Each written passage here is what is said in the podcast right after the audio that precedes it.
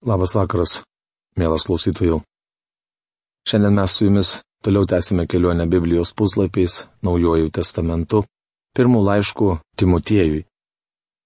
Šiandien mes su jumis toliau žvelgsime į ketvirtąjį skyrių ir pradėsime penktąjį, bet noriu priminti, kad ketvirtos skyriaus tema yra bažnyčių atsimetimas nuo tikėjimo. Po maldos mes su jumis žvelgsime toliau, ką Paulius vedama šventosios dvasios norėjo pamokinti Timotiejų, tuometinę bendruomenę ir žinoma, kiekvieną tikintį šiandien. Dangaus Dieve, mes dėkojam tau už tavo žodį, kurį tu mums palikai, dėkojame už dvasę, kurią paženklinai ir kurioje mes galime keliauti pas tave ir prašome, kad šį vakarą atneštum viešpatė mums visą reikalingą supratimą šiandienos gyvenimui. Dėkojame tau, dangiškasis Dieve, kad žinodami tikrus dalykus, tai yra suvokdami ir suprasdami tavo žodį, kurį apreiškiai mums, tik tai gerai pažindami jį mes galime atpažinti klaidžio mokslius. Todėl norime išgirsti dabar tave, pamokanti mus iš šios rašto dalies. Meldžiame to Jėzaus Kristaus vardu. Amen. Taigi, šiandien mes toliau tęsime pastraipos nagrinėjimą, ką gali daryti geras tarnas atsimetimo dienomis. Dabar aš jums perskaitysiu tris mūsų jau išnagrinėtas eilutes, tai šešta, aštunta, ir mes pratesime rašto apžvalgą. Jeigu šitai paaiškinsi broliams, būsi geras Kristaus Jėzaus tarnas, mintantis tikėjimo žodžiais ir tikruoju mokslu, kuriam esi atsidavęs. Venk nerimtų bobiškų pasakų, ugdykis maldingumą. Kūno mankštinimas nedaugam tinka, o maldingumas viskam naudingas, nes jam skirtas esamojo ir būsimojo gyvenimo pažadas. Štai tikras žodis vertas visiško pritarimo.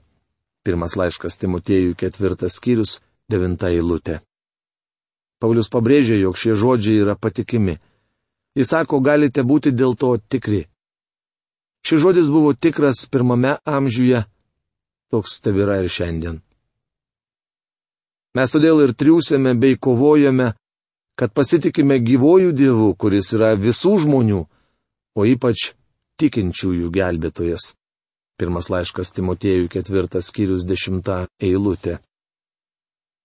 Mes todėl ir triūsėme bei kovojame. Tai reiškia, kad gyvenimas dėl Kristaus turi savo kainą. Dėl to negali būti jokių abejonių. Kuris yra visų žmonių gelbėtojas. Šiandien daug diskutuojama, kokios spalvos buvo Kristaus akys, ar jis buvo blondinas ar brunetas aukštas ar žemas. Kalbėjusi su vienu žmogumi, kuris labai pasipiktino, išvykęs paveikslą, kuriame Jėzus buvo pavaizduotas juodaodis. Kodėl ne? paklausiau aš. Juk jis visų žmonių gelbėtojas. Svarbiausia ne jo odos ar plaukų spalva. Šventajame rašte ši informacija mums nepateikiama. Reikia pasakyti, kad to nežino net federalinis tyrimo biuras. Tačiau Biblijoje sakoma, kad Kristus yra visų žmonių gelbėtojas. Nesvarbu, kas jūs esate, jis yra vienintelis jūsų gelbėtojas. Ypač tikinčiųjų. Viešpats Jėzus Kristus yra visų žmonių gelbėtojas, tačiau, jei norite, jūs galite jį atmesti. Kad būtų aiškiau pateiksiu iliustraciją. Sakoma, kad iš tarptautinio Los Andželo oro uosto kas minutę pakyla po lėktuvą. Jei tik man užtenka drąsos, aš galiu skristi bet kuriuo iš jų. Reikia tik nusipirkti bilietą ir sėsti į lėktuvą. Matote, lėktuvas skirtas visiems, tačiau ne visi jos skrenda. Kristus yra visų žmonių gelbėtojas, bet išgelbėti bus tik tie, kurie jį įtikės. Apie tai rašoma Evangelijos pagal Joną 3 skyriaus 16 eilutėje ir 1 Jono laiško 2 skyriaus 2 eilutėje. Susiraskite ir būtinai pasiskaitykite. Taip įsakinėk ir mokyk. Niekas tegul neniekina tavo jaunystės. Tik tai pats būk tikintiesiems pavyzdys - žodžiu, elgesiu, meilė, tikėjimu, skaistumu. Pirmas laiškas Timotiejų ketvirtas skyrius 11-12 eilutės. Niekas tegul neniekina tavo jaunystės. Paulius žinojo, kad bažnyčioje atsiras tokių, kurie kalbės, jis dar jaunas, todėl neką tai išmano. Gal Timotiejus ir ne viską išmanė tačiau neturėjo leistis niekinamas dėl savo jaunystės. Tik taip pats būk tikintiesiems pavyzdys. Tikriausiai norite paklausti, kaip Timotiejus galėjo nesiduoti niekinamas dėl savo jaunystės. Paulius jam patarė neselgti kaip vėja vaikui. Jaunystėje pradėjęs tarnauti dar prieš išventinimą jaučiausi nejaukiai ir net išsigazdavau kai manęs pasiklausyti ateidavo žilaplaukiai seneliai. Kai savo nuogastavimais pasidalinau su vienu senu pamokslininku, jis tarė man. Niekada dėl to nesijaudink. Tegul niekas neniekina tavo jaunystės. Tik tai žiūrėk, kad pats būtum pavyzdys tikintiesiems. Mielas bičiuli, svarbiausia ne jūsų amžius, bet ar esate pavyzdys kitiems. Paulius paaiškina Timotiejų, kaip jis turi rodyti pavyzdį - žodžiu, elgesiu, meile, tikėjimu, skaistumu. Patikėkite, nūdien propaguojama nauja moralė visai nėra nauja, tačiau biblinė moralė kai kuriems žmonėms iš tiesų nauja. Tai Dievo standartas, kitaip sakant, mes privalome būti pavyzdžių visais penkiais aspektais. Kol atvyksiu, užsiminėk skaitimu, raginimu, mokymu. Pirmas laiškas Timotėjų ketvirtas skyrius, trylikta eilutė. Kad susirinkusieji būtų paguosti ir pamokyti, tarnautojas turi viešai skaityti šventą įraštą. Jei žmonės bažnyčioje nemokomi Dievo žodžio, bažnyčia netlieka savo funkcijos. Šio žodžius Paulius taikė ir pačiam Timotiejui. Tarnautojas gali aukti tik skaitydama žodį, kuris ragina ir moko. Augantis tarnautojas augina bažnyčią. Geriausiai apie Dvaitą Mūdį yra atsiliepęs jo kaimynas, jis sakė. Kas kart, kai ponas Mūdis grįžta namo, matosi, kiek jis paaugo dvasiškai. Norėčiau paklausti, kiek jūs esate pažengęs į priekį dvasinėje sferoje. Ar augate malonė ir Kristaus pažinimu? Dar kartą kartoju, kad tai įmanoma tik skaitant didžiasias Dievo žodžių tiesas. Nepamiršk tavyje esančios malonės dovanos, kuri tau buvo suteikta pranašo ištarme kartu su vyresniųjų rankų uždėjimu. Pirmas laiškas Timotėjų ketvirtas skyrius keturiolikta eilutė. Nepamiršk tavyje esančios dovanos. Dievo dvasia kiekvienam tikinčiajam suteikia dovaną. Ja turėjo ir Timotiejus. Paulius ragina jaunąjį pamokslininką šią dovaną naudoti. Gali būti, kad žodžiai, kuri tau buvo suteikta pranašo ištarme, reiškia, kad Paulius išpranašavo Timotiejui, ką jis darys. Su vyresniųjų rankų uždėjimu. Čia omenyje turimas bažnyčios tarnautojų rankų uždėjimas. Bičiuli, Rankų uždėjimu nieko neperdusite, na, nebent lygos bakterijas. Deja, kai kurie žmonės mano kitaip ir šį veiksmą labai sureikšmina. Rankų uždėjimas yra susitapatinimo ženklas. Bažnyčiose, kuriuose man teko tarnauti, aš prašydavau visus vyresniuosius uždėti rankas ant kiekvieno naujai paskirto misionieriaus. Taip pat bendradarbiai turėtų uždėti rankas ant kiekvieno išventinto tarnautojo parodydami, jog susitapatina su juo ir jo tarnyste. Kaip matote, šis veiksmas gana prasmingas. Rūpinkis šitais dalykais, atsidėk jiems, kad visi matytų tavo pažangą. Pirmas laiškas Timotėjų ketvirtas skyrius, penkiolikta eilutė. Frazė rūpinkis šiais dalykais reiškia rūpestingai studijuok. tiek tarnautojas, tiek bet kuris kitas krikščionis yra nepateisinamas, jei nestudijuoja Dievo žodžio. Atsidėk jiems. Kasdieninis skaitinys iš šventųjų rašto negali atstoti Dievo žodžio skaitimo ir studijavimo. Neužtenka kas vakarą pusiau snūduriuojant perskaityti po vieną Biblijos skyrių. Iš tokio skaitimo nėra jokios naudos. Mažai naudos ir iš rytinio skaitinio prie pusryčių stalo, kai vaikai skuba į mokyklą, o suaugusieji į darbą. Bičiuli, juk geometrijos ar biologijos taip neišmoktumėte. Dievo žodis vertas viso, ką mes galime duoti. Kad visi matytų tavo pažangą, jei galite pasakyti savo pamokslininkui, tavo pamokslai gerėja, žinokite, kad jam tai būtų pats geriausias komplimentas. Žiūrėk savęs ir mokslo, ištverk šiuose darbuose. Taip veikdamas išganysi ir save, ir savo klausytojus. Pirmas laiškas Timotėjui ketvirtas skyrius, šešiolikta eilutė. Vargas pamokslininkui, kuris neskelbė Dievo žodžio. Tai baisi nuodėmė. Geriau būti gangsteriu, nei žmogumi, kuris turi garsinti Dievo žodį, bet to nedaro. Pirmas laiškas Timotėjui penktas skyrius. Tema - bažnyčių tarnautojų pareigos. Penktame ir šeštame skyriuose Paulius plėtoja labai praktišką temą.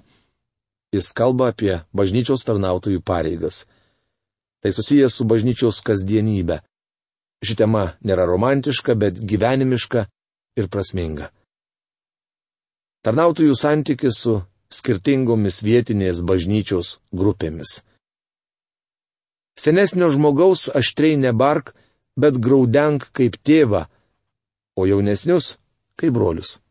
Pirmas laiškas Timotėjui penktas skyrius, pirma eilutė. Senesnio žmogaus aštrei nebark, bet graudenk arba kitaip įkalbinėk kaip tėvą. Paulius ragina Timotiejų viešai nepriekaištauti vyresniesiems bažnyčios nariams, bet pasistengti įtikinti juos asmeniškai. Kaip jau minėjau, Timotėjus buvo jaunuolis ir su pagyvenusiais tikinčiaisiais turėjo elgtis labai taktiškai. Kitaip tariant, jis negalėjo laikyti savęs visažiniu ir įsakinėti vyresniems už save. Iškilus būtinybei Timotėjus turėjo kalbėti su jais asmeniškai. O jaunesnius kaip brolius, Timotėjus privalėjo palaikyti gerus santykius tiek su vyresnio amžiaus žmonėmis, tiek su savo bendramžiais. Vyresnio amžiaus moteris kaip motinas, o jaunesnės kaip seseris laikydamasis tobulo skaistumo. Pirmas laiškas Timotėjui penktas skyrius, antra eilutė. Laikydamasis tobulo skaistumo. Bažnyčios tarnautojas turėtų labai atsakingai elgtis su priešingos lyties atstovėmis. Reikia pasakyti, kad šios ryties nuodėmės labiausiai kenkia bažnyčiai ir žlugdo jos tarnavimą. Kai tarnautojas turi palikti bendruomenę dėl šios problemos, paaiškėja, kad bažnyčia merdėja dvasiškai. Niekas negreuna dvasinio bažnyčios gyvenimo taip, kaip nešventi tarpusavio santykiai. Noriu pabrėžti, kad bažnyčioje nėra vietos tariamai naujai moraliai. Paulius mokė Timotėjų, kaip jis turi elgtis su senesniais ir jaunesniais vyrais, vyresnio amžiaus ir jaunesnėmis moterimis. Dabar apaštalas prabyla apie santykius su trečia tikinčiųjų grupe. Gerbk našles, kurios yra tikros našlės. Pirmas laiškas Timotėjui penktas skyrius trečia eilutė. Vertinys gerbk labai įdomus. Iš šio graikų kalbos žodžio kilo terminas honoraras. Jo reikšmė sėtina su tam tikrų įvertinimu. Kartais pasidalinęs Dievo žodžiu kokioje nors bažnyčioje sekmadienį ar specialiuose tarnavimuose savaitės viduryje, gaunu čekį, ant kurio parašyta honoraras. Tai tam tikras mano darbo įvertinimas. Ankstyvoji bažnyčia labai atsakingai rūpinosi tikinčiomis našlėmis. Apie našlių problemą skaitome apaštalų darbų knygos šeštame skyriuje. Tarp graikiškai kalbančiųjų, tai yra žydų, gyvenančių už Izraelio ribų, kilo nepasitenkinimas vietiniais hebrajais, esą kasdieninėme aprūpinime būdavo aplenkiamos jų našlės. Apaštalai paskyrė tam tikrus vyrus rūpintis našlėmis, kad patys galėtų toliau atsidėti maldai ir Dievo žodžio tarnybai. Šiame laiške Paulius moko jaunai Timotiejų, kaip reikia rūpintis našlėmis. Gerbk našlės, kurios yra tikrus našlės. Pamokymas, kurį skaitome Dievo žodyje, yra labai praktiškas.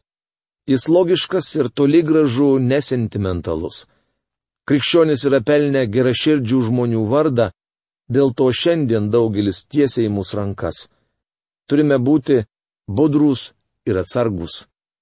Ankstyvoji bažnyčia rūpinosi našlėmis, tačiau nedarė to neatsakingai ir sentimentaliai. Diekonai privalėjo ištirti, kurios našlės buvo tikrus, kokie buvo jų poreikiai ir kiek jie buvo pagrysti. Reikia pasakyti, kad šiandien reta liberali ar net fundamentali bažnyčia rūpinasi savo našlėmis, dėl to šis rytis yra labai apleista. Toliau Paulius plėtoja pradėtą temą. Jei kuri našlė turi vaikų ar vaikaičių, jie tegu pirmiausia išmoksta maldingai tvarkyti savo namus ir deramai atsilyginti gimdytojams, nes tai malonu Dievui. Pirmas laiškas Timotėjui penktas skyrius ketvirta eilutė. Diekonai turi išsiaiškinti, ar našlė turi vaikų ir kodėl jie jos neremia. Taip pat svarbu, ar jie turi vaikaičių, nes jie taip pat yra atsakingi už savo močiutę. Manau, kad šis Dievo metodas yra nepasikeitęs ir šiandien. Tikra našlė, palikusi viena, sudėjo viltis į Dievą ir dieną naktį maldauja bei meldžiasi. Pirmas laiškas Timotiejui penktas skyrius, penkta eilutė. Štai kokia yra tikra našlė. Ji palikusi viena, tai reiškia stokoja. Tikra našlė yra dievota ir maldinga.